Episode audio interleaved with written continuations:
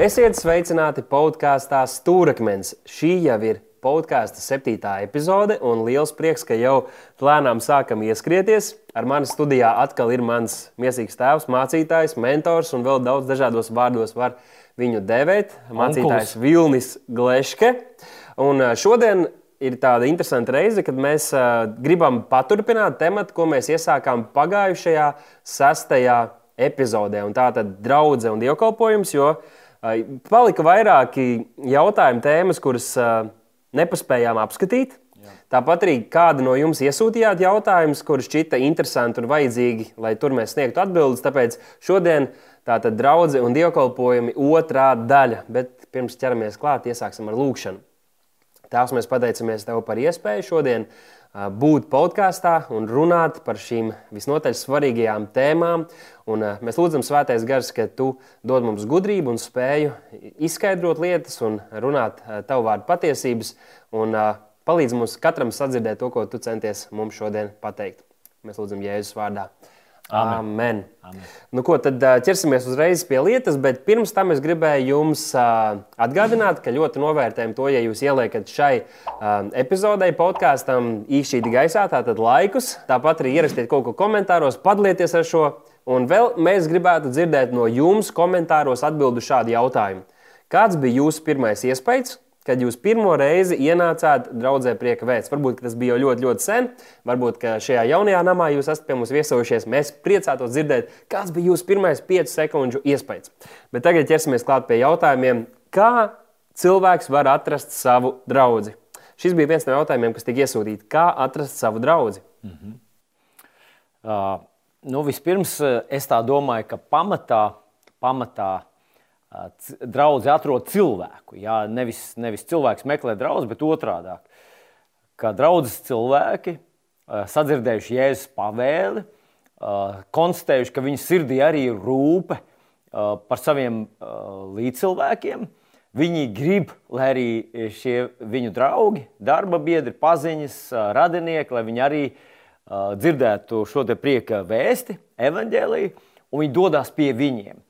Un, manuprāt, tie cilvēki, kas nāk pie mums, nu, es runāšu tā, kā mēs būtu, jā, tā kā nāk pie mums, lūdz par mums, gatavojas, pārvar dažādas šķēršļus, pārvar savus kompleksus, pārvar dažādas vēlnu uzbrukumus, šaubu vētras, un viņi dodas un palīdz mums pieņemt Jēzu Kristu par savu kungu, ir ļoti laba zīme.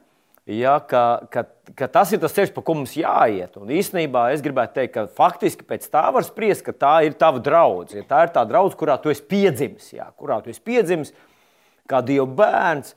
Tu paskaties apkārt, tur ir tavi brāļi un māsas.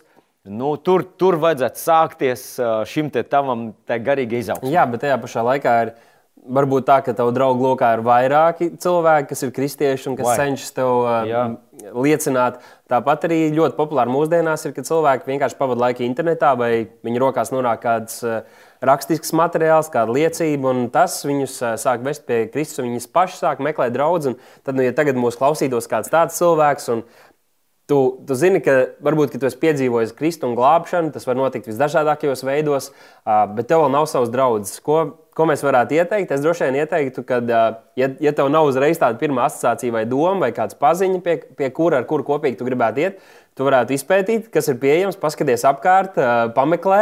Bet tad, kad tu noskaidro to, tev vajadzētu paskatīties, kāda ir šīs draudzes doktrīna, vai tā sakrīt ar veselīgo Bībeles mācību, vai tur ir kaut kāds, nu, varbūt. Es, nezinu, teiksim tā, dīvainības, bet varbūt sākumā cilvēks par to nav spējīgs uztvert tik ļoti labi.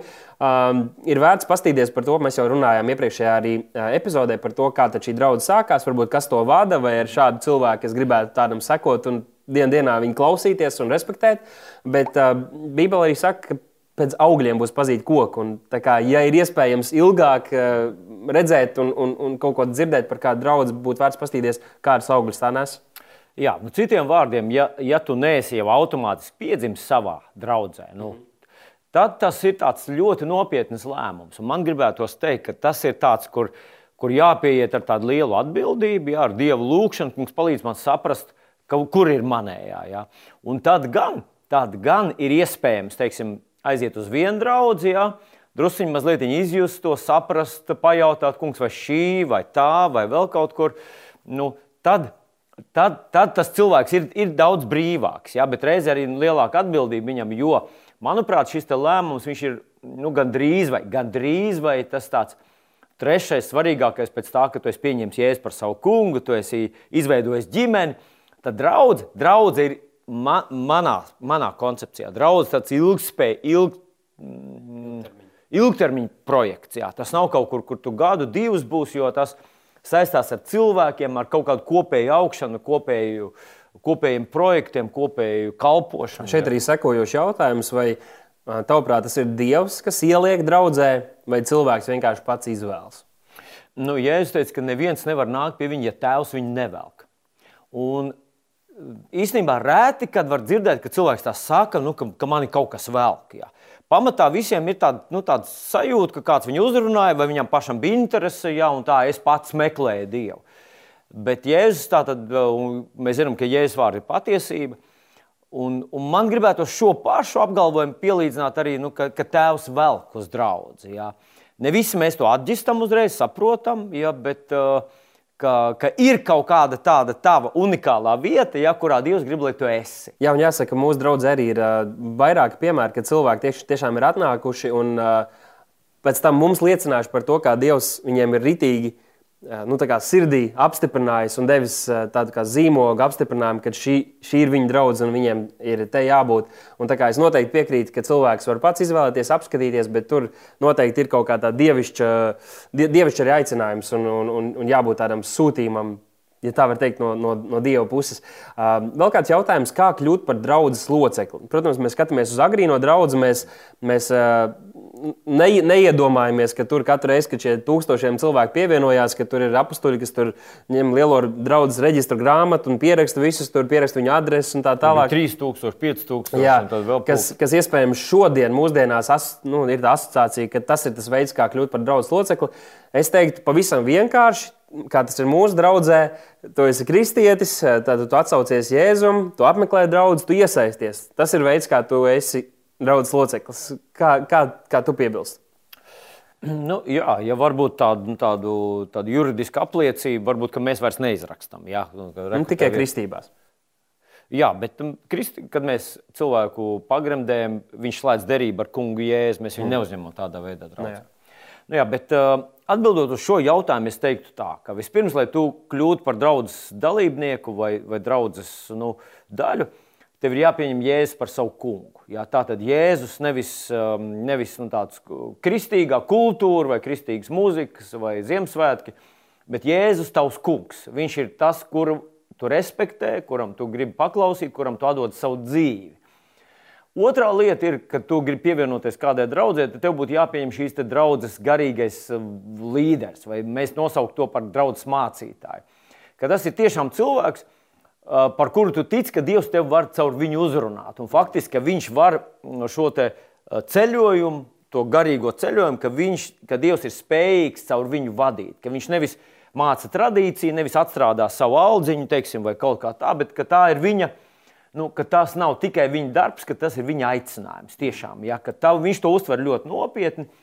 Nu, nu, manuprāt, manuprāt, šeit šeit būtu nu, daudz vien, sarunas, ja, un varbūt kā brīžiem, brīžiem ir tāds sajūta, ka tas draugs mācītājs vienkārši ir nu, teiksim, algots cilvēks, ja, kur, no kur, kur, kuram ir deleģēts kaut kādas funkcijas. Viņš runā svētdienās, viņš runā bērēs, runā kāzās. Ja, viņš ir tāds, tāds runātājs. Nu, manuprāt, mācītāja funkcija ir kaut kāda daudz dziļāka un nozīmīgāka. Viņam būtu gandrīz vai uh, nu, tam labajam ganam redzot vilku un lācu nākam, ka viņam būtu jāiestājas par savām avīm. Es runāju par tādu dvēseles attieksmi, ja, ka tas ir mūsu draugs mācītājs, kurš, kurš vada, caur kuru Dievs vada mūsu šo ganāmpulku. Otrais liet, otrā lieta, ko noteikti vajadzētu cilvēkam pieņemt, lai viņš kļūtu par draugu daļu, ir draugs redzējums. Katrai draudzē ir sava vīzija, ja, ko tad viņi te dara. Nu, un Jā, dažreiz vienkārši tā ir tāda ļoti tāda, nu, banāla, tāda vienkārša. Jā, šeit ir māja uzcelta, ja cilvēki šī celtnē ir pielūguši Dievu iepriekšējos teiksim, 75, vai 175 vai 375 gadus, un mēs te turpinām to darīt šodien. Nu, manuprāt, katrai tādai patiesi no Dieva dzimušai draudzē ir kaut kāda īpaša uzdevums, ko Dievs grib, lai viņi dara. Un tev vajadzētu to pieņemt, jo kļūstot par draugu dalībnieku, tu arī iesaistīsies tajā. Tu piedalīsies, un tas ir tāds kopējs cīņa, kopēja vīzija, kopējs darbs, kopēja kalpošana. Nu, tad ir nākošais punkts, ko es gribētu teikt, ka tā ir tāds draudzes kultūra. Katrai draudzē ir sava kultūra, un ja tā tev vispār nepieņemama, nu, tad tu nevarēsi būt šīs draudzes loceklis. Pat ja tev kaut kas patīk, tur patīk slavētājs, patīk mācītājs, bet draudzē ir sava kultūra. Nu, un, un prieka vēstī ir sava kultūra, ja, kur faktiski atnākot cilvēkam uz mūsu draugu, viņam to nākās nu, pieņemt, ja, adaptēties un, un, un tajā arī dzīvot. Nu, tad, ko vēl gribētos teikt? Nu, vēl kaut kādas niansītas tur varbūt varētu būt, bet šīs būtu tās galvenās lietas, kas, lai cilvēks kļūtu par draugu daļu, viņam būtu nu, kā saka, jā, es to saprotu, es to pieņemu, jā, es gribu, jā, man tas patīk. Jā, mēs jau arī iepriekšējā epizodē runājām par to, cik svarīgi kristietim ir būt daļai no draudzes, tāpat būt daļai no dievkalpojumiem, piedalīties tajos, ne, gan klausīties, atdzirdēt, pielūgt, bet arī tāpat iesaistīties arī kalpojot. Par to jūs varat skatīties iepriekšējā epizodē. Bet šeit tāds kā nu, sekojošs jautājums ir, ko darīt, ja tu esi draudzē, bet tu nejūties kā daļa no draudzes. Un šī, šī ir tēma, ko uh, man runājot ar cilvēkiem, ik pa laikam es esmu sastapies arī mūsu draudzē, tāpat citās draudzēs, uh, šī nejūšanās. Ja, kur uh, tomēr tas ir ļoti lielā mērā tāds uh, sajūta līmenī, jo ir kāds cilvēks, uz kuru tu raugies.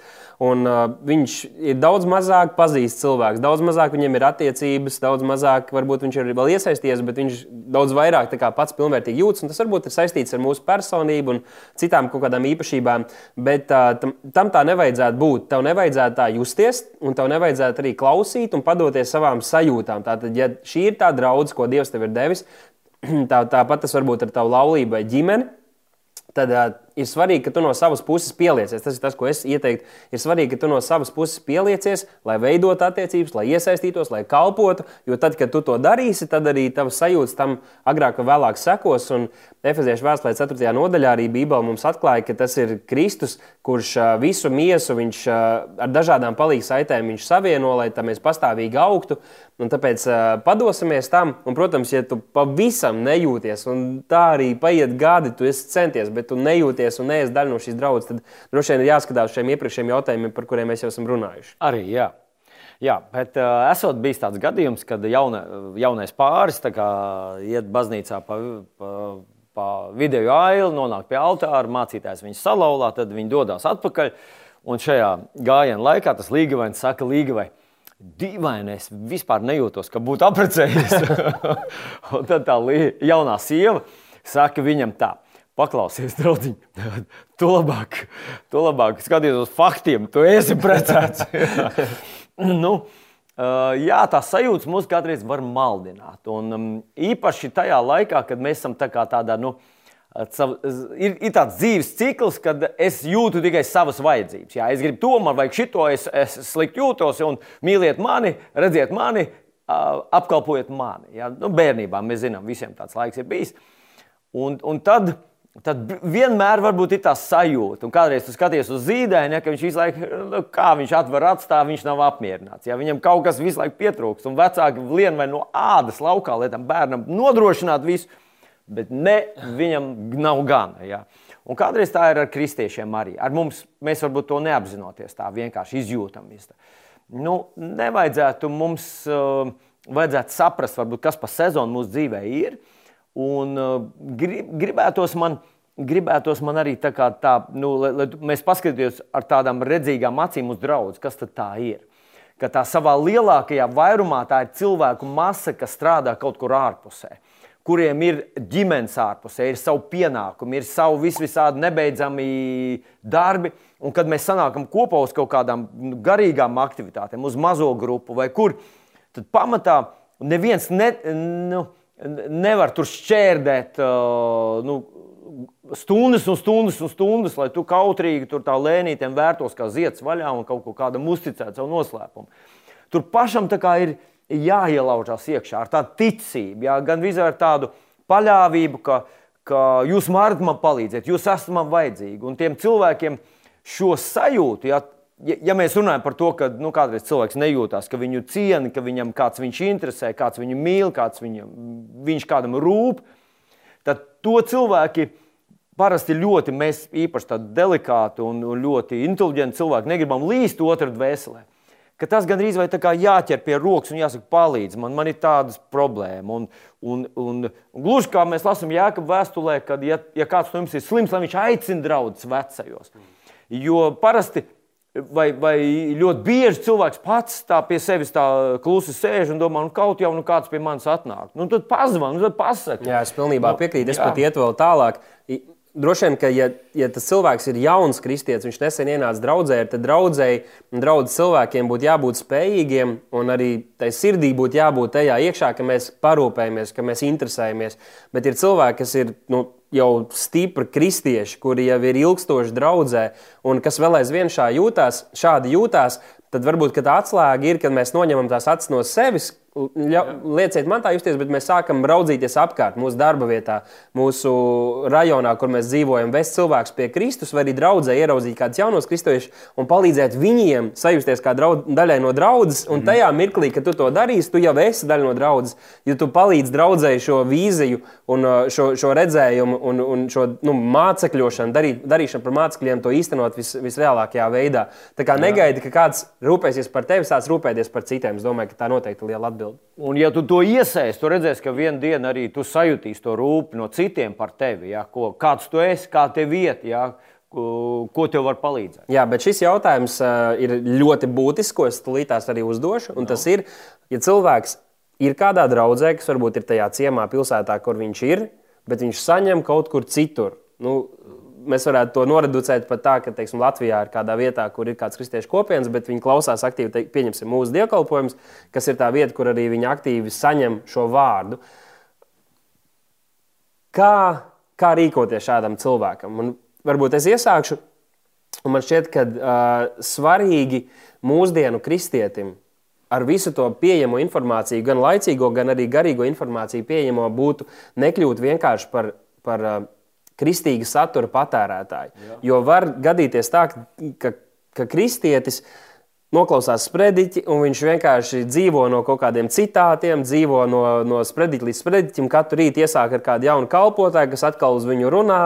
Un, protams, viņi saka bibliskas lietas, un tomēr tas viss rada tādu miksli, un tad rodas tas jautājums, vai tu esi tas, kurš vārdu dara, kas tu esi esi pieslēgts draudzē, kas tu esi daļa no kādas kopienas, kas tu dzirdi to, ko, to vārdu, ko Dievs runā tieši jums konkrētajā laikā un sezonā, vai tu vienkārši esi tāds, kuram patīk klausīties, un tas tev var radīt sajūtu. Es zinu, ka ir cilvēki, kuri. Uh, kuri klausās uh, pielūgsmes mūziku un varbūt dzied līdzi, un viņiem ir sajūta, ka tā ir viņa lūkšana, nu, ka viņiem ir personīgas attiecības ar Dievu, bet tā ir drīzāk kultūra, iespējams. Un, uh, Pāvils arī uh, otrajā Timotejam rakstīja, ka pienāks laika, kad cilvēki nepanesīs veselīgu mācību, bet uzkraus sev mācītājus, ko pēc paša iegribām gribēs klausīties. Un iespējams, ka tas arī ir viens no tādiem riskiem, ka tu vienkārši vari slēgt un klausīties visu laiku kaut ko, ka, ko tev patīk dzirdēt, un kas, kas, kas tev ļoti labi patīk. Un tad tas būtu viens tas risks, ko es brīdinātu no tā uzmanīties. Bet no otras puses, jāsaka, ka arī ir, ir kādi kalpotāji, kas ir, ir dzirdēti par šo runājot, ir, ka ka, ja tā ir draudzene, ja tā ir nezinu, baznīca, kur tu, tu esi apmeklējis gadiem ilgi, un tu saproti, ka tur nav ne vīzijas, tur nav ne daudz no tām lietām, par kurām tu esi runājis, ka, ka tur īstenībā nav augļu, ka tur nav šis dzīvais Dieva vārds. Iespējams, ka var pienākt kāds mirklis, kad tev ir jāsaprot, ka tev ir jāpārstāj atbalstīt un, un līdzdarboties tādā kalpošanā, citādāk nu, tas nozīmē vilkt līdzi mironi. Uh, un, un tam dēļ, ka šādas lietas tiek uzturētas, tad tie cilvēki neiesaistās tiešām dzīvās, svētā gara vadītās draudzēs un kustībās, kas varētu izmainīt pasauli. Un arī tam seko līdzi finanses un vispārējais resursi, kam, kam vajadzētu sekot. Un, šie ir tādi divi aspekti. Tā nebūt tādam, kas vienkārši patērē, bet no otras puses, ja tas tiešām ir kaut kas nedzīvs, tad tev nav vienkārši jācenšas mēģināt, nu, lai tas jums nesagrūst, lai tas mums vēl jāturpina. -hmm. Nu, šī ir ļoti jūtīga tēma, kur mēs aizskārām šobrīd. Es pieņemu, ka varbūt uh, mūsu atbildes vai mūsu domas par tām nu, varbūt ne visus uh, iepriecinās. Man tikai gribētos teikt, ka tā ir normāla uh, situācija, kad tu ej uz savu draugu, un tajā draudzē tu arī dabū normālu garīgu ēdienu, kas tevi stiprina, kas uh, dod tev spēku celties, redzēt uh, izaugsmu, redzēt jaunas lietas, jā, vēl vairāk uzticēties Dievam, redzēt Dieva spēku un palīdzību, ja, kas tevī vairo to pozitīvo nu, atbildi ja, uz Dieva apsolījumiem. Un, ja tas tā nav, nu, tad tā situācija tiešām ir tāda, par ko būtu nopietni jā, jāgriežas pie Dieva un jājautā, kungs, ko darīt. Ja? Ko darīt, ja, ja draudzē, kurā es esmu teiksim, pavadījis desmit gadus, nu, nu, pieņemsim, desmit gadus, un mēs pēc desmit gadiem esam turpat, kur bijām pirms desmit gadiem. Ja. Nu, kas ir? Ja, tā, tā tam nebūtu jābūt. Mhm.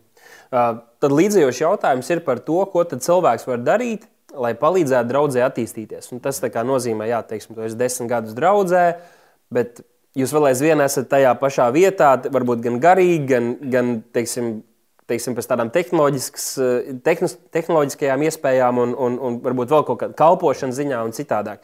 Ja tu esi vienkārši draugs apmeklētājs, varbūt tu esi kaut kur iesaisties kādā kalpošanā, bet tu neesi varbūt tajā noteicēja līmenī, ko tu īsti vari darīt. Un It kā jau arī tā atbildes nav nu, tādas uh, akmenī kaltas, un nav arī tādas, uh, ko mēs varam pateikt. Viena lieta, ko tu vari izdarīt, lai izmainītu savu draugu, jo tur tomēr ir svarīgi, lai tā ir draudzes vadība, lai tas ir mācītājs, kur Dievs runā, ko Dievs vada. Nu, noteikti, ko tev vajadzētu darīt, ir lūgt arī par saviem garīgiem vadītājiem, lūgt par savu draugu, lūgt par, par kalpotājiem. Tu vari iesaistīties. Tas jau ir veids, kā noteikti jau progress var, var notikt un attīstība savā draudzē, pat ja tā ir maziņa, pat ja, pat ja ir teiksim, kāds ciems vai, vai pilsēta, kur, kur tās iespējas un arī finanses ir ierobežotas, sāc iesaistīties, palīdz tā, kā tu vari, izrādi iniciatīvu. Tev nav jāgaida, kad mācītājs vai kalpošanas vadītājs teiks, mēs, mums vajadzētu sākt to, mums vajadzētu uzlabot to. Tu vari būt tas, kurš saka, paklau, mēs varētu to izdarīt, rekursi piesaistīs cilvēks, mēs varam palaist kādu kampaņu pilsētā, izdarīsim to. Bet nu, pienāk varbūt laiks, ja, ja, ja nezinu, draudzes vadība un tie, kas ir noteicēji draudzē, kas teiksim, pavisam ir pret lai kaut kas tiktu mainīts, eh, tad, eh, tad vienkārši tev ir jāpadodas tam, vai es pieņemtu, vai, vai jāmeklē kāds cits veids, varbūt kā mēnesis savā personīgā dzīvē realizēt šīs lietas. Kā tu atbildētu? Atkal ļoti jūtīgs temats, protams. Jā, nu vispirms tad, tu esi sapratis, ka šī ir tava draudzene. Tu, tu esi to sapratis, tu esi. Tu okay. sap... Tad nav tā iespēja, ko es teicu, tad tā iespēja nepastāv. Tad vienkārši. Nē, nē, pagaidi. Nu, tu tā esi sapratis, ka šī ir tā draudzene, un tu pievienojies viņai, un tu, uh, ko tu labākais, ko tu vari darīt, lai, lai tu palīdzētu draudzē. Un pirmā lieta ir, ka tu neesi vienkārši vērotājs. Jā. Tu vari vērot līdz tam brīdim, kamēr tu saproti. Jā. Bet tajā brīdī, kad tu saproti, ka šī ir tava draudzene, tu kļūsi par aktīvu draudzes dalībnieku. Tu iesaisties. Tā iesaistīšanās ir ne tikai tas, ka tu arī iemet kaut kādu savu ziedojumu. Ja? Tu faktiski dalies ar, mm, ar, ar to lielo atbildību, to lielo darbu, kas mums ir jāizdara visiem kā komandai. Un draugs vienmēr ir komanda. Tas nekad nav mācītājs, ja tas nav nekad pērminders vai draugs priekšnieks. Tā ir visa draudzes komanda, ir viņa vesela miesa. Un, ja visi iesaistās, tad arī lielas lietas sākās no mazām lietām. Jā. Uh, un, un, un teiksim tā, nu vienā mazā ciemā ir maza draudzība. Vai viņi tur ir vajadzīga? Vai viņi tur ir svarīgi? Vai viņa tur būs tūkstoši draugi? Droši vien, ka viņi nebūs tur tūkstoši draugi, jo tas ciematiņš pats ir mazs. Bet ir ļoti svarīgi, ka tur ir tā vietējā mazā draudzīte, ja, kurā tā mazā nelielā komanda to kopējo darbu dara. Tātad tu iesaisties bet tu iesaisties, tu lūdz, tātad tu atbalsti ar savām finansēm, ar savu ticību. Tu paņem to, ko tu vari paņemt. Ja? Neviens no tevis neprasa, lai tu paņem, uzņemies par to, ko tu nevari, neesi spējīgs. Ja? Tu samaksā tur ar visu savu ģimeni, visu savu budžetu. Nē, tas tev nav jādara. Tu uzņemies to, ko tu vari izdarīt ar prieku, ar tādu pateicību Dievam. Un tad paiet desmit gadi, un tu nekas nav izkustējies no vietas. Tad es savā vietā, nu, varbūt ne desmit gadi, ja es, es ātrāk, es saprastu ātrāk, ja kaut kas, kaut kas nav labi, te kaut kas ne, mūsu bērni jau tūlīt būs izauguši par pusauģiem, un nekas nenotiek. Nu, tad, tad es uzdodu to jautājumu vēlreiz, kungs, vai es neesmu kaut ko kļūdījies, ja, vai es neesmu, jo tā nav laulība, laulība ir neatsaucama. Ja. Jā, bet jāsaka, ka dievbijīgi pazemīgi dievu vīri un, un vadītāji būs tie, kas uh, gribēs šiem saviem arī cilvēkiem cik tas ir saskaņā ar Dieva vārdu, dot šos spārnus. Man liekas, ka tā ir viena no lietām, ko mēs esam mūsu draudzē ļoti baudījuši visās kalpošanās, ir cik ļoti atbalstoši jūs, kā draugs vadītājs, esat bijuši visām iniciatīvām. Un pat bieži ir tā, ka mums ir kalpotāji sanāksmes, jūs sakat, vai mēs gribam idejas, darām kaut ko, un, un, un vēl, ko, ko, kā jums šķiet, ko mēs varētu darīt, un kā mēs varētu kaut ko ne jau par pašu dievkalpojumu, bet par kalpošanām un, un, un, un citām lietām, kas var attīstīties un, un progresēt. Tas ir, jūs tādā ziņā esat bijuši lielisks piemērs tam, kā, kā tam jānotiek. Uh, bet tu jau mazliet tam pieskāries, un tagad mēs jau iegājām tajā, pie kāda nosacījuma drīkst mainīt draugu. Tātad cilvēks ir bijis draudzē. Tu jau aizved līdz šim, jā, tātad, kad paiet kāds laiks un nav pārmaiņas, un ir, tu jūti, ka teiksim, tu ne, nedabū šo garīgo barību. Tāpat varētu teikt, teiksim, ka ir, ir lietas, kas ir klāji pretstatā tam, kas ir rakstīts Bībelē, kas tiek darītas, vai uz ko tiek kaut kā manipulēts vai uzspiests. Uh, vēl kaut kādas lietas, kas tādas nu, neveselīgi vidi rāda, ka tad būtu noteikti vieta apsvērt uh, vismaz to, ka. Jo ir, ir cilvēki, man arī rakstījuši pēdējā laikā, kas uh, tiešām ļoti dīvainās kopienās. Tur viņiem vīra, vīrs var nākt uz draugu, sieva nevar nākt uz draugu, jo viņa vēl nav pa īstam glābta. Tas mācītājs sauktais negrib, lai uz viņu kaut kā ļauna acis skatās. Viņai mēnesi ir jānožēlo grēku un jādabū patiesa grēka piedošana. No nu, par šitām lietām, ja runa kaut kas, kaut kas tam līdzīgs, tad tas ir ļoti, ļoti greizi. Vismaz cik es saprotu, tas ir ļoti, ļoti greizi un tādas vietas ir jāatstāj. Draudzene nav laulība. Es jau to izteicu. Un... Un, uh, kādreiz ir dzirdēts, ka mācītāji burtiski no kanceles biedēja, ja, ka viss uh, šitā draudzē tu esi piedzimis un ar, tikai ar kājām pa priekšu. Ja, un, ja tu aizies pirms tam, ja tu esi pazaudējis pestīšanu, viss, nu, uh, draugi mīļie, es nezinu, kas motivē tos mācītājus, bet tā nav mīlestība. Ja, tās ir bailes visdrīzāk. Viņi bailes, ka tu savu naudu kaut kur citur nesīsi. Un, un piedalīsies kaut kur citur. Tā nebūtu jābūt. Tātad dzīves vietas maiņa un tās pārējās lietas, ko mēs jau iepriekš minējām, būtu iemesls, bet tur arī jābūt tādam dieva akceptam un, un vadībai visā tajā. Jā, vēl man gribētos piebilst, ka tu atrodies draudzē, kurā vispār tu skaties, tu lasi savu bībeli, un tas, ko tu redzi, galīgi tai neatbilst. Jā.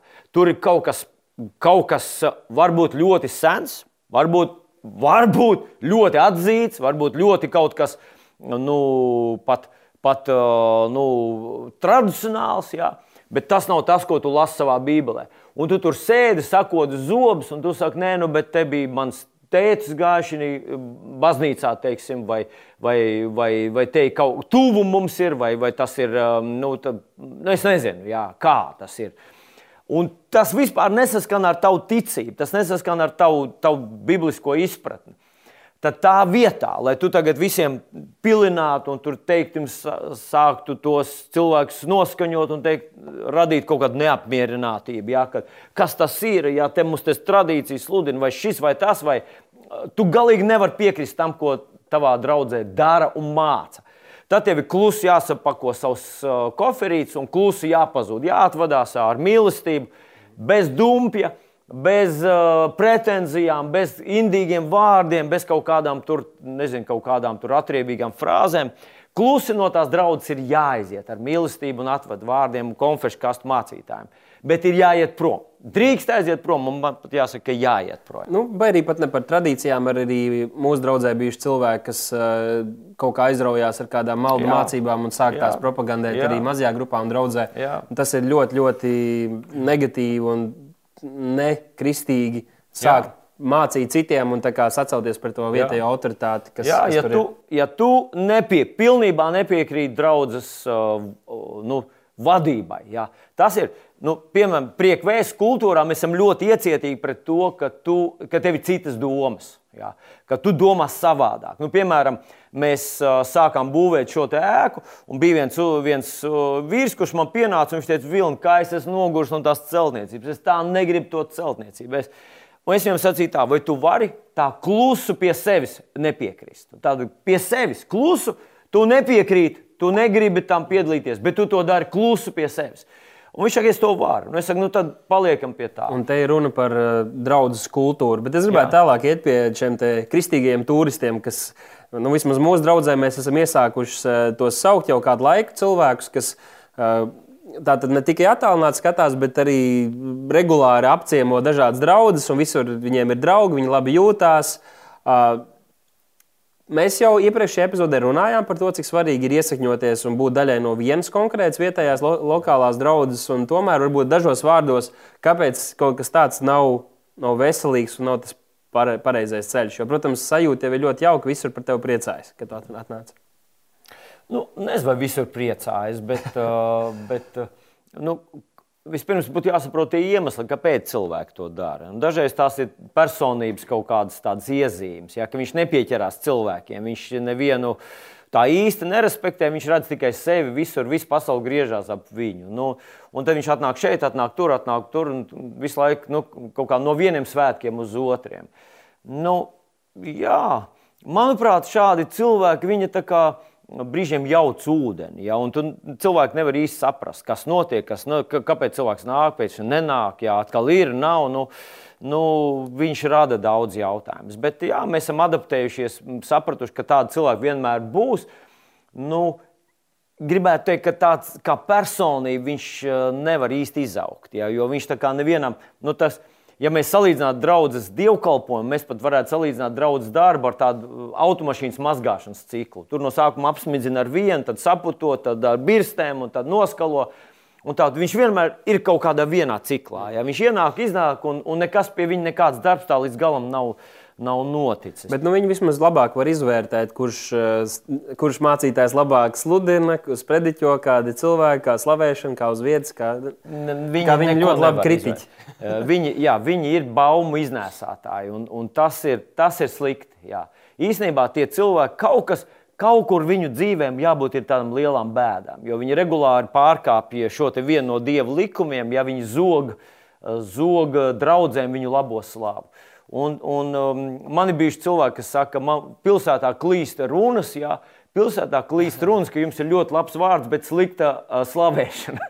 un tad uh, nesen viena sieviete man teica, viņa ir muzikas skolotāja, ja pēc savas tās specialitātes. Viņa saka, ne, slikta slavēšana, es to nevaru nevar sagramot, man ir tāda laba dzirde. Viņa saka, kad es pie jums atnācu, es biju šokēta, ja, ka slavēšana ir ļoti laba. ļoti Baumas klīst. Jā, nu, To, to, mūsdienās ir pozitīvā ziņa tā, ka uh, daudz no draugiem var iepriekš izpētīt. Mums arī, draudzē ir vairāk tādu atnākuši no, no tā pasaulīgas vidas, kuri padzirdējuši par draugu, sākumā izpētīja, noklausījās desmitiem dievkalpojumu un saprata, ka ir vērts atnākt. Kāpēc ir tik daudz un dažādas draudzes? Un, tagad mēs jau ejam tādā citā mazliet atzarā. Mums būs jācenšas ļoti kompakti par to runāt. Un, ja par kādu no šiem jautājumiem jūs gribētu, lai mēs tā detalizētāk parunājam, tad lūdzu dodiet par to ziņu. Bet uh, dažos vārdos, kāpēc ir tik daudz un dažādas draudzes, mana īsā atbilde uh, būtu tāda, ka tur, kur sanāk cilvēki, ir dažādi viedokļi. Un Tas, es domāju, ka tā ir visā pasaulē, bet īpaši Latvijā ir tas teiciens, ka kad katram tā ir. ir visur.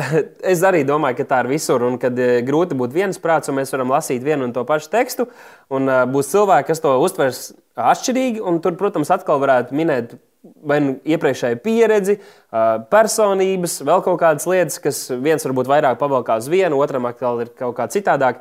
Un tomēr nu, tā, tas būtu tas iemesls, kāpēc eh, tā vienkārši pateikt, kāpēc ir daudz un dažādas draudzes, atšķirīgas arī baznīcas, tāpēc, ka ir dažādi cilvēki, kas lasa vienu to pašu tekstu un katrs interpretē drusku pa savam. Bet uh, svarīgākais, protams, ir tas, lai mēs neizejam uz kompromisu šīm pamat kristīgās mācības fundamentiem, kas ir, ka Jēzus piedzima jaunavā, Jēzus dievišķums, mēs visi esam grēcinieki.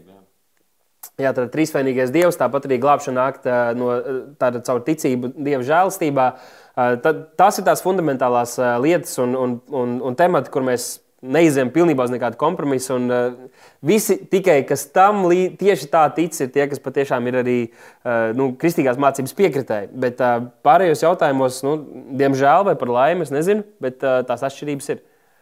Nu, tas ir viens no iemesliem, ja, ka cilvēki dažādi to uztver. Nu, varbūt es atkārtošos vēlreiz, ka mums nav uzreiz, ja tu par kādu lietu tev ir savas domas, tev nav uzreiz jādabina cita draudzene. Ja? Jo, jo tiešām re, nu, gandrīz vai visā pasaulē nav otra tāda cilvēka, kas tieši tāpat uzskata un tieši tāpat sauc lietas tādos vārdos kā tu. Tā kā, ja vien mēs akceptējam draugus, akceptējam draugus vadītāju, draugus vadību, draugus vīziju, Un tad mums ir ļoti liela brīvība. Uz, uz es saprotu, mazliet šādi, es, es atkal tā, ja, un, un tā tālāk. Tādus, ja mēs piekrītam pamat uh, nosacījumos. Bet vēl uh, iemesls, kāpēc ir daudz dažādu draugu, uh, dažreiz ir Bībeles skola. Teiksim, tiek organizēta kaut kāda Bībeles skola, viņu pabeidz teiksim, 100. Nu, nu nezinu, ir liels Bībeles skolas, kur pabeidz 800 cilvēku, jā, 900 cilvēku, pār tūkstošiem, 3000 cilvēku. Un tad bieži vien motivē tos cilvēkus, nu, tagad sākat savu, savu draugu. Ja sākat savu draugu, jūs esat noklausījušies to un to un to un to. Un to. Manuprāt, tā ir tāda vienkāršota pieeja draudzes dibināšanai. Jo draudzene nav vienkārši kā cilvēks, kurš pabeidz Bībeles skolu. Bet, diemžēl, nu, tā ir. Ja cilvēks atbrauc, ja viņš sāk savu draugu un ir kaut kādi pirmie sekotāji, kā man viens norvēģis brālis teica, ka katrs, kurš iesāk savu draugu, ja, katrs, kurš iesāk savu draugu, var paļauties, ka vismaz pirmos trīs mēnešus pie viņa uzreiz saplūdīs jauni cilvēki no apkārtējām draudzēm.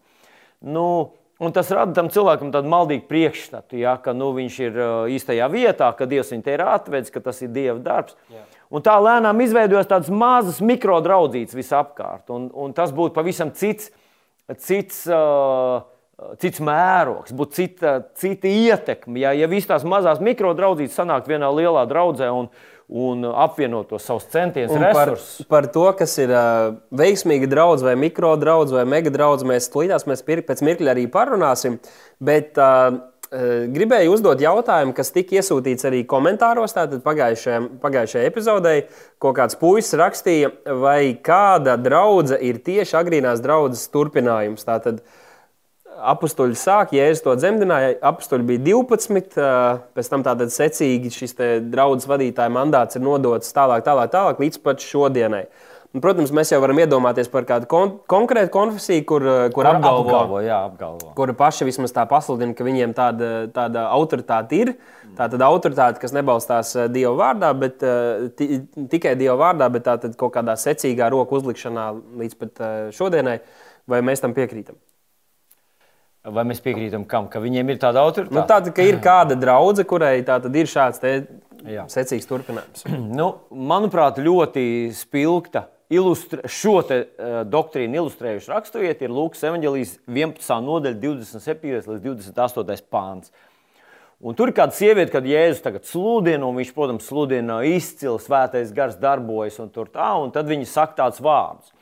Svētīgas tās miesas, kas tev ir nesušas, un tās krūtis, ko tu esi zīdis. Un te ir tā, tā burtiskā atsauksme uz Jēzus uh, māti, ja, Mariju, kas uh, Jēzu iznēsā. Ja, Tātad viņa ir svētīta.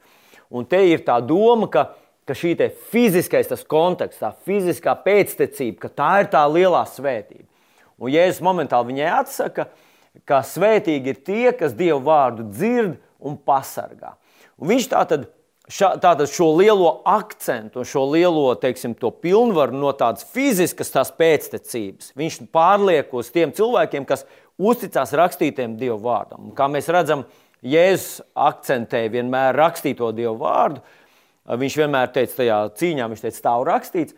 Un man ļoti patīk arī tas ļoti simptomātisks tas gadījums ar Ēmaus mācekļiem, kad viņš, Jēzus, viņiem atgādina, ko pravieši rakstījuši. Redziet, interesanti.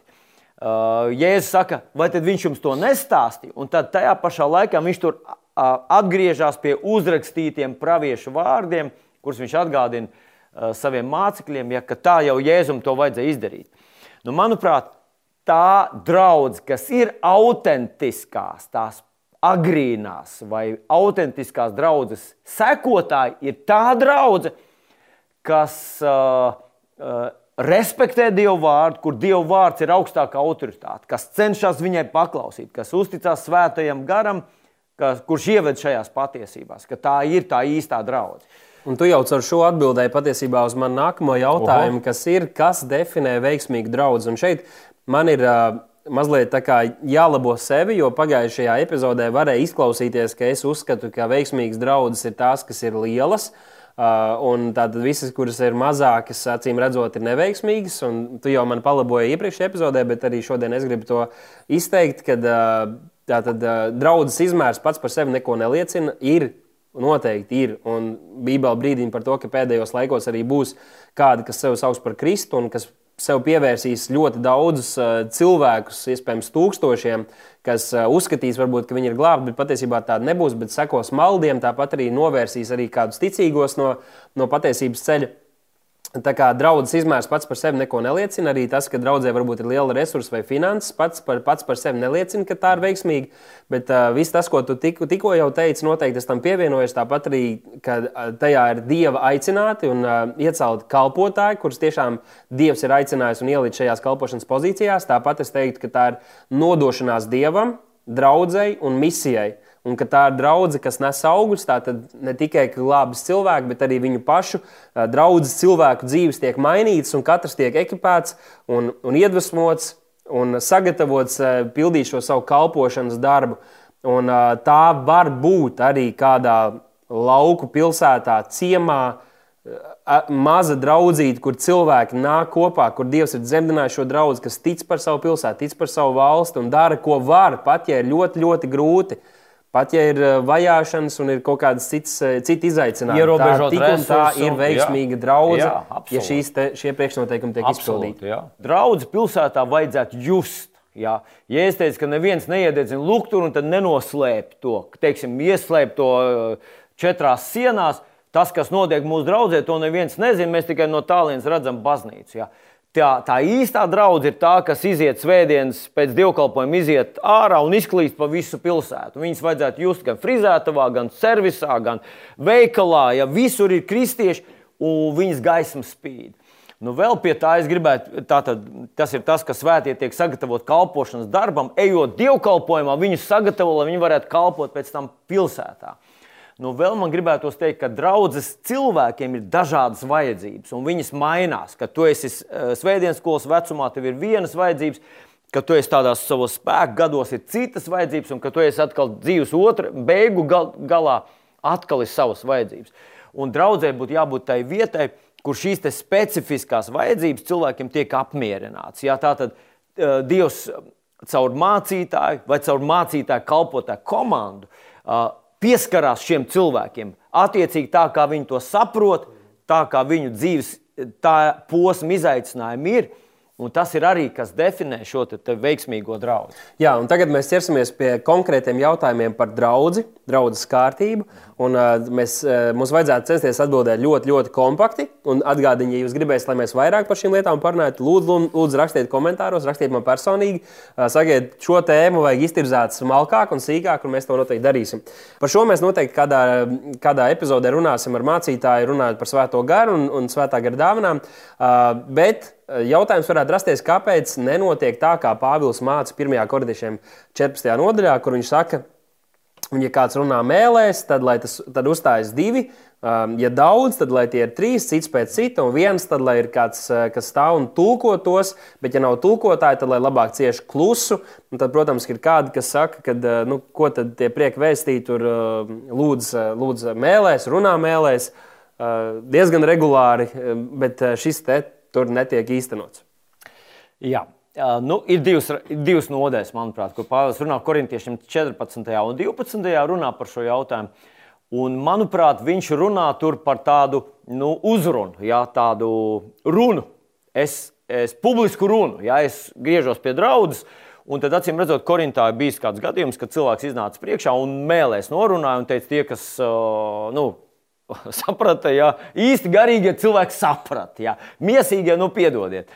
Nu, tad Pāvils saka, ka tas, ka tas nav pareizi. Ja tev nav tulks, ja, tad tu nevari mēlēs uzrunāt cilvēkus. Nu, man gribētos teikt, ka mēs tieši tā darām. Ja, es esmu pats kādreiz, man ir svētā gara dāvana, ir bijusi, kad uh, nāk mēlēs pravietojums, ja, un esmu pats arī viņu iztulkojis. Un, uh, tas nav nekāds tāds neparasts, nekas kaut kas ārkārtējs. Manuprāt, mēs tajā nu, nu, darbojamies jau diezgan ilgu laiku. Bet jā, mums ir kāda lieta, kur mēs saucam par tādu, kā, tādu kolektīvu lūgšanu mēlēs. Tātad mēs lūdzam saprotami, jā, lūdzam ar prātu, un tad, kad mēs esam sapra, nu, izteikuši to savu lūgšanu ar prātu, Uh, gluži kā ar uh, romiešiem 8. nodaļā, 26. pantā, kur apelsīns Pāvils saka, ka svētais gars nāk mums palīdzīgā, jo mēs nezinām, ko mums būs lūgt un kā. Tad svētais gars nāk palīdzīgā un mēs lūdzam mēlēs. Ja? Mēs lūdzam noslēpumus, mēs tādā veidā uzceļam ticībā. Jūdas vēstulē 20. un 21. pāns ir, ir arī šīs pašas domas izteikts. Tātad priekvēstī ir lūkšana, kolektīva lūkšana mēlēs. Bet tā ir tā lūkšana, kad neviens neklausās, ko mācītājs lūdz. Tātad es nolūdzu latviešu. Tālāk, manā izpratnē, būtu vienkārši liekvārdība, būtu vienkārši tā paša pateiktā jau atkārtošana. Tā kā tāda it kā dievam nepielēc, it kā viņu vajadzētu pārliecināt, it kā Dievs paklausītu mūsu daudzo vārdu dēļ. Un, manuprāt, tas bibliskais lūkšanas koncepts ir pilnīgi pretrunā tam. Dievam nevajag vēlreiz teikt, viņš nav kurls, viņš nav aizmāršīgs. Ir kaut kas cits, un, un manuprāt, apelsīns Pāvils ļoti precīzi un pareizi saka, mēs nezinām, ko un kā, bet svētais gars zina. Un tāpēc mēs uzticamies svētajam garam un lūdzam mēlēs. Jā, nu šeit droši vien arī var novilkt to atšķirību, ko vismaz e, manā teoloģijā tāda, tāda pastāv, un es varētu to arī pierādīt Bībelē, ka ir atšķirības starp šo līdzējošo zīmi, kas ir runāšana mēlēs, kas ir mūsu personīgā lūkšana, lūkšana, nu, lūkšana valoda, un tad šī gara dāvana, kur tu jau pieminēji, kas ir jau, viņa arī izklausās citādāk, ka tas ir tāds kā pravietojums un, un, Jā. un, un tā izteiksme. Jā. Un tad uh, mē, mēs skaidrotu šo raksturvietu tā, ka te viņš runā tādā, nu, tā kā tu teici, ka tas ir cilvēks, kurš iziet un viņš cenšas to kā, pasludināt, uh, bet uh, tad jau tā nav. Tas nav nevienam par svētību, ja neviens to nesaprot. Bet, ja mēs vienkārši lūdzam, tad tas ir kaut kas cits. Un pat arī lūkšanās, jāsaka, ļoti bieži ir tā, ka mēs lūdzam, un tad ik pa laikam arī svētais gars dotam vadītājiem arī izteikt kā, kādus jaunus vārdus vai virzienu, kur svētais gars vada, Jā. un tad mēs pēc tam sekojam tam Jā. arī lūdzot, Jā. lūdzot garā. Jā. Bet nu, es, es, es pateikšu savu personīgo sajūtu. Brīžiem man druskuļi kaitina, ja, ka cilvēks, kurš teikšā, cenšas tādu, nu, nu teiksim, teiksim, mēs atnākam uz lūkšanas sapulci, un, un tā ir divas stundas. Ja. Ka cilvēks vienkārši, vienkārši uh, vienu un to pašu vervelē, daž, dažādas kombinācijas, vienkārši atraisa kaut kādas tādas daļrunības, kaut kādas tādas.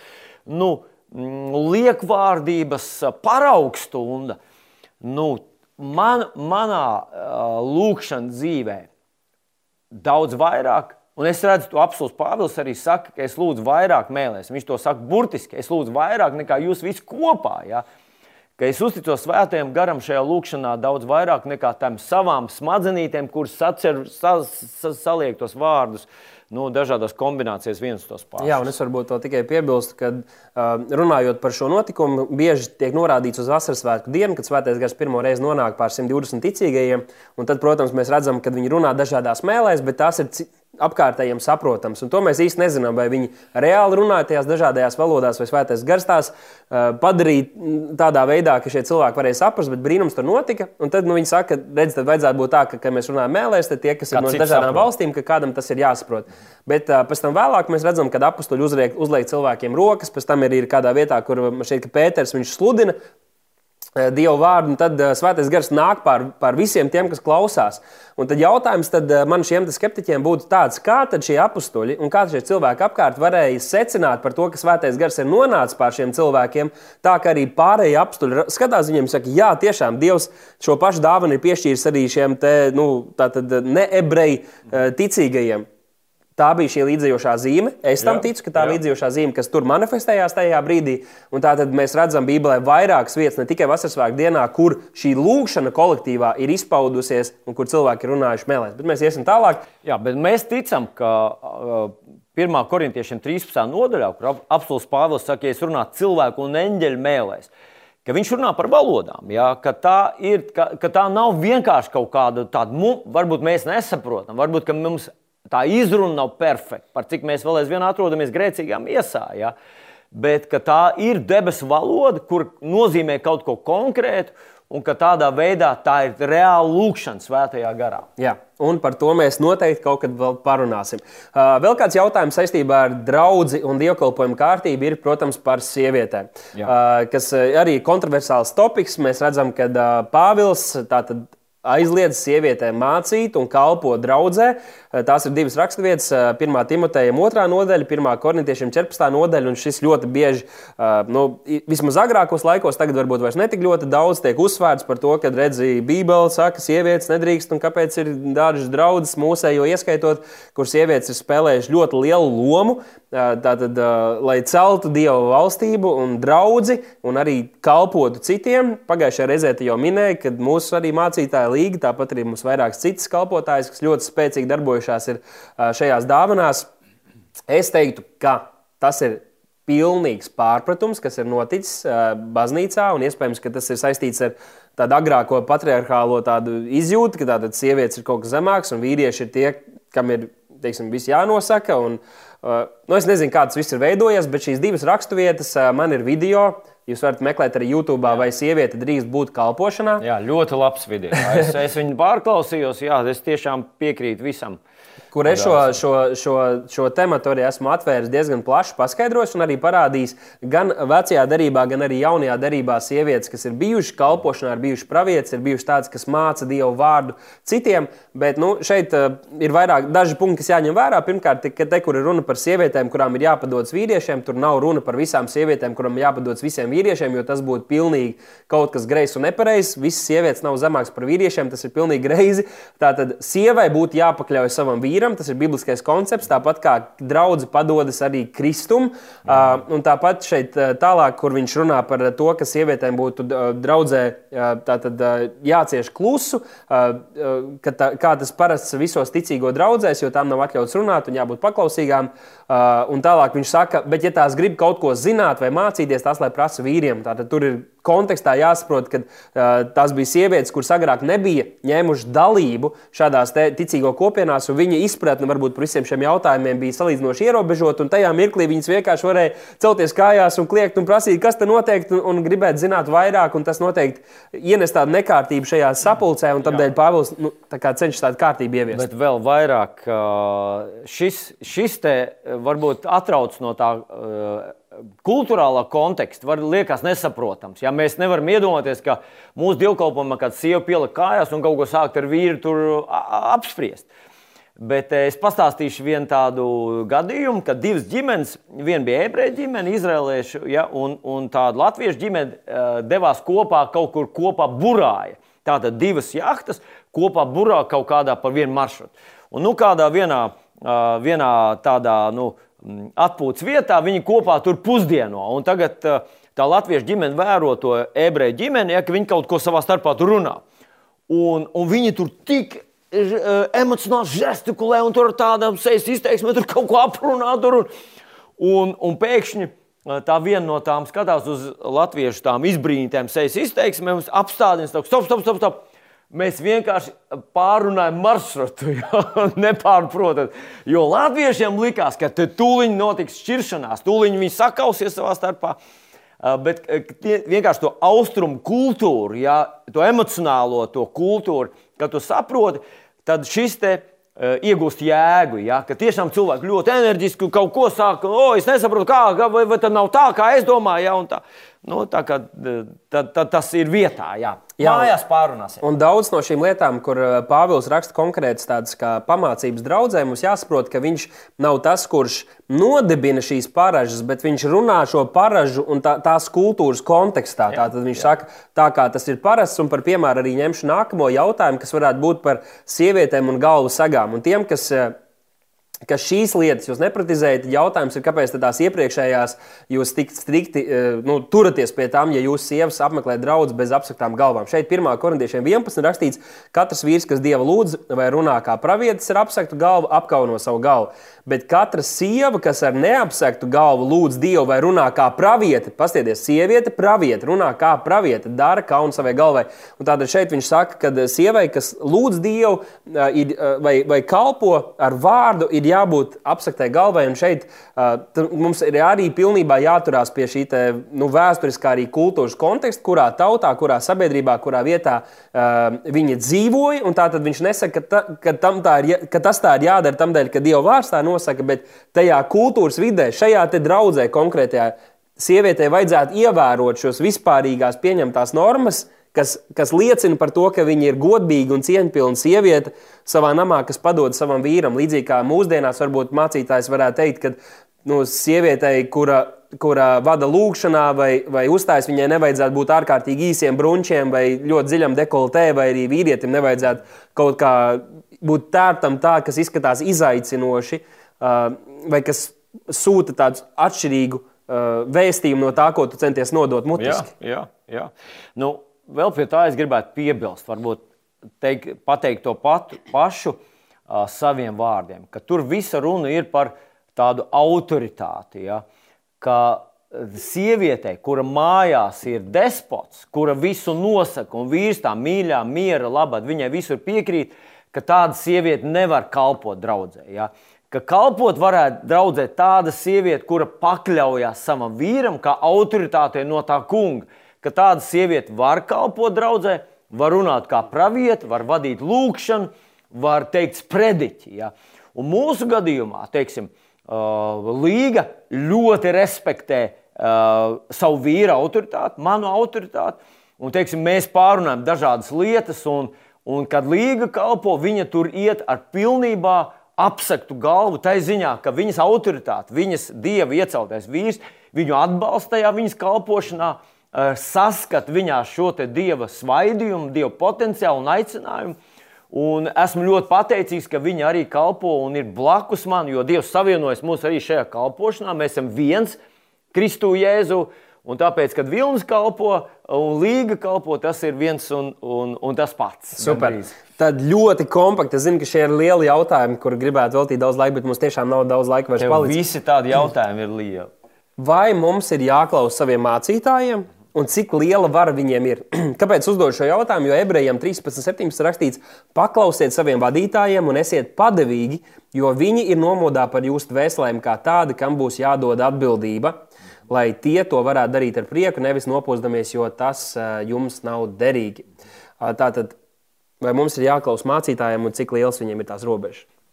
Nu, manuprāt, tu nocitēji to raksturvietu, kas ļoti labi arī paskaidro. Mm ka mācītājiem ir tik daudz varas, cik viņam ir atbildība. Ja? Kāda ir mācītāja atbildība?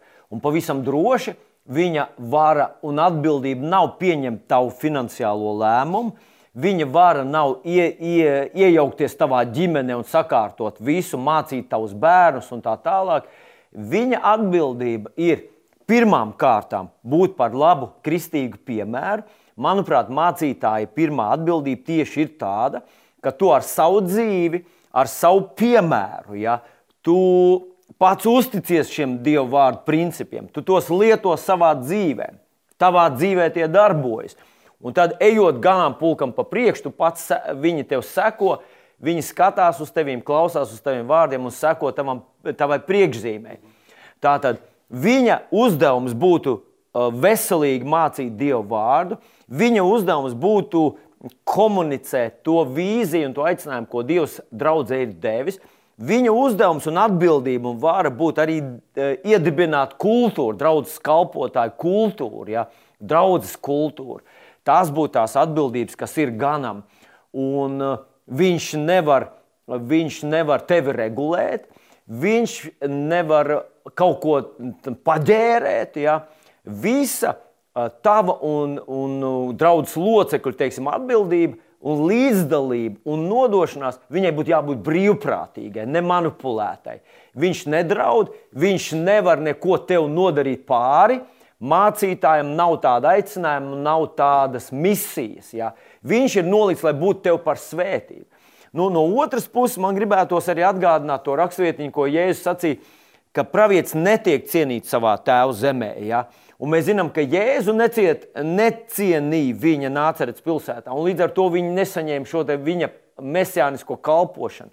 Un tad viņš piemin Eliju un Elīzu, ja, kas arī bija dieva iecelti tādi uh, izcili pravieši, ja, uh, kurus necienīja viņu laikā, un tāpēc viņi nevarēja uh, nodot šo savu kalpošanas spēku un savu, savu svētību saviem tautiešiem, un to tu negribi darīt. Tu gribi, ja Dievs tev ir devis Eh, tavu ganu. Ja Dievs tev ir devis draudzē ganu, un tu esi viņu pieņēmis, tu esi tajā draudzē, tu gribi izturēties ar cieņu pret šo kalpotāju, lai Dievs varētu viņu lietot tavā dzīvē. Un es pat gribētu teikt, jo, jo lielāka ir tā cieņa, jo vairāk Dievs varēs viņu lietot tavā dzīvē. Jā, tā... es, es gribētu piebilst pie visa tā, ko tu jau teici, kad es esmu redzējis arī mūsu draugiem, un man pašam ik pa laikam arī sanāk tādā veidā kalpot cilvēkiem. Ir, ir tas, ka cilvēki, kas vai nu ir savā dzīvē, varbūt kaut kādās krustcelēs, kaut kādās uh, saspringtās situācijās, lēmumos, kur jāpieņem, viņi varbūt nenāk, lai tu viņiem pateiktu, kā viņiem rīkoties, bet kur teiksim, kaut kāda skaidrība, Dieva vārda gaismā pacelt kaut kādas lietas. Un, un, uh, es zinu skaidri, ka manā dzīvē tāpat arī daudz citu, kas uh, ir izmantojuši šo iespēju. Tu esi bijis kā tāds ļoti efektīvs dieva rīks, būt par tādu padomu, padomu devēju un gudrību, gudrību un dievbijības balsi, kas uh, man liekas, arī ir viena no ļoti nozīmīgām mācītāju, mācītāju lomām. Nu, es ticu, ka dažreiz Dievs var runāt caur, caur tādu dievu iedotu mācītāju, pat Pat eh, ja viņš to neapzinās, jā, pat ja viņš to nepiefiksē, ja kaut ko īpaši pateicis. Dažreiz nu, ir tā, kā tajā vasaras svētdienā dienā, kad cilvēki dzird to, ko tu nemaz domā, tu neesi teicis. Jā. Tā arī kādreiz ir. Un Dievs kādreiz to izmanto. Nu, tad divi pēdējie jautājumi. Nu? Kā sabalansēt draudzēt dzirdēto vārdu ar personīgo laiku ar Dievu? Tātad es draudzē dzirdu, man uzrunā, bet tad arī es esmu manā personīgajā laikā, mans lasīšanas plāns, vai tas, ko es tagad studēju, un Dievs ritīgi runā, svētais gars var vaļā to vārdu. Kā man tagad, es varu, vai man jāpieņem ir dievkalpojumā sludinātais un jānodod tam, vai es varu turpināt dzīvot ar to vārdu, kur Dievs man jau vada, un tas var būt tā tāds papildus piedeva tam visam, kas notiek. Kā atrast to līdzsvaru? Nu, es gribētu teikt, ka ir tāds makro līmenis un, un mikro līmenis. Un tas mikro līmenis ir ļoti specifiska tava situācija. Tieši tava maizīte, tieši tie vitamīni, kas tev specifiski ir vajadzīgi. Un tos nekā savādāk Dievs tev nevar uzrunāt. Viņš var uzrunāt svētdienu. Un, un, un tiešām dzīvā draudzē būtu jābūt tā, ka katrs no tiem dievkalpojumu dalībniekiem saņem kaut ko sev bet ar to ir par maz. Jā, Dievs grib, lai tu iepazīsti viņa balsi. Atcerieties, ja es teicu, man savs dzird man balsi. Un tas nav tā, ka tu pēkšņi klausies svētais gars, ko tu halo, halo, halo, nu, bet tu lasi Bībeli. Un Dievs tevi uzrunā caur to, un tu iepazīsti svētā gara balstu, tu iepazīsti savu kunga balsi, lasot vārdu. Nu jā, bet tas un ir viņš... skaidrs, bet kā, kā to ba balansu? Jo teiksim, svētdien man uzrunāja, bet es eju apakaļ savā ikdienā, un es esmu savā personīgajā laikā. Un tad atnāk, teiksim, pēc divām, trim dienām vai nākamajā svētdienā, un es jau aizmirsu, par ko svētdien bija vārds. Vai man vajag speciāli kaut kā uzturēt to un darboties ar to, vai es varu nodoties eh, tam, kas ir manā personīgajā, jo mēs, mums ir kā vajag abus. Man gribētos teikt, ka tās abas lietas, abas šīs ir, ir ļoti svarīgas. Nu, es nemācīšu procentos pateikt. Mm bet tas ir kaut kas, kur mēs kā visa kopiena ejam cauri. Tas ir kaut kas tāds, kā šobrīd. Šobrīd e, šī situācija ir tāda. Šobrīd mēs ejam pāri Jordānai. Jozovs saka savai, e, savai draudzēji, ja sagatavojieties. Un katram tas, tas sagatavošanās posms ļoti specifisks. Kaut kur ir mazi bērni, viņi sagatavojas specifiski. Kaut kur ir, ir pieauguši bērni, kaut kur ir daudz aitas, kaut kur ir. Nu, vienmēr sakot, tā lielā, tas lielais, viņš ietekmē arī to manu mazo. Un, un, domāju, ka tas ir ļoti svarīgi, lai katrs piedalītos gan, gan, jā, varbūt 50 uz 50, es pat teiktu. Tajā pašā laikā es gribu teikt, ka tā mūsu lielā kopējā ticība, ja viņi var atvērt tādus vārtus, ko tava mazā nekad neizdarīs. Un tāpēc, ja tu esi ļoti tālu sevi, un tu esi iekšā sevi, un tev, tev ir tagad tā mazā problēma, tu iespējams uh, nemaz nevar ieraudzīt tās, tos lielos apsolījumus, kurus Dievs dod draudzē, jā, tikai draudzē.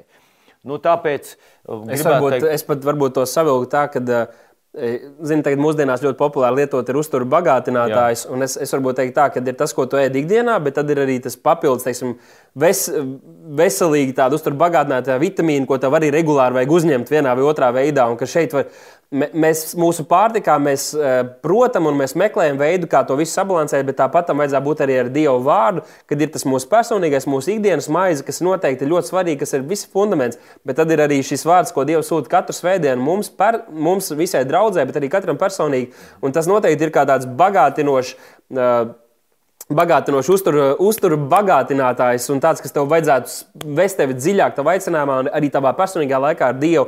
Un tā tad var būt kaut kādas, kaut kādas sezonas, kad uh, tu esi Kaut kā tā, ka kad, kad tev nav īpaši ārkārtīgi stipri jāstrādā, varbūt ar to vārdu iespējams, kad, un, un kad Dievs tev vada kaut kam cauri. Jā, Bet pa lielam jā. vajadzētu būt tā, ka, ka, ka, ka tas tiešām veido tādu veselīgu, veselīgu uzturu, ka tu ēd to, kas ir tava ikdienas maize, bet ka tu arī tajā nedēļā centies sagramot un sadzirdēt Dievs, kas ir tas, ko tu centies man pateikt un kā es varu to pielietot. Paldies! Paldies jums, ka jūs skatījāties! Bija liels prieks atkal būt šajā epizodē jau septītajā kopīgi ar jums un uh, tiksimies jau nākamajā.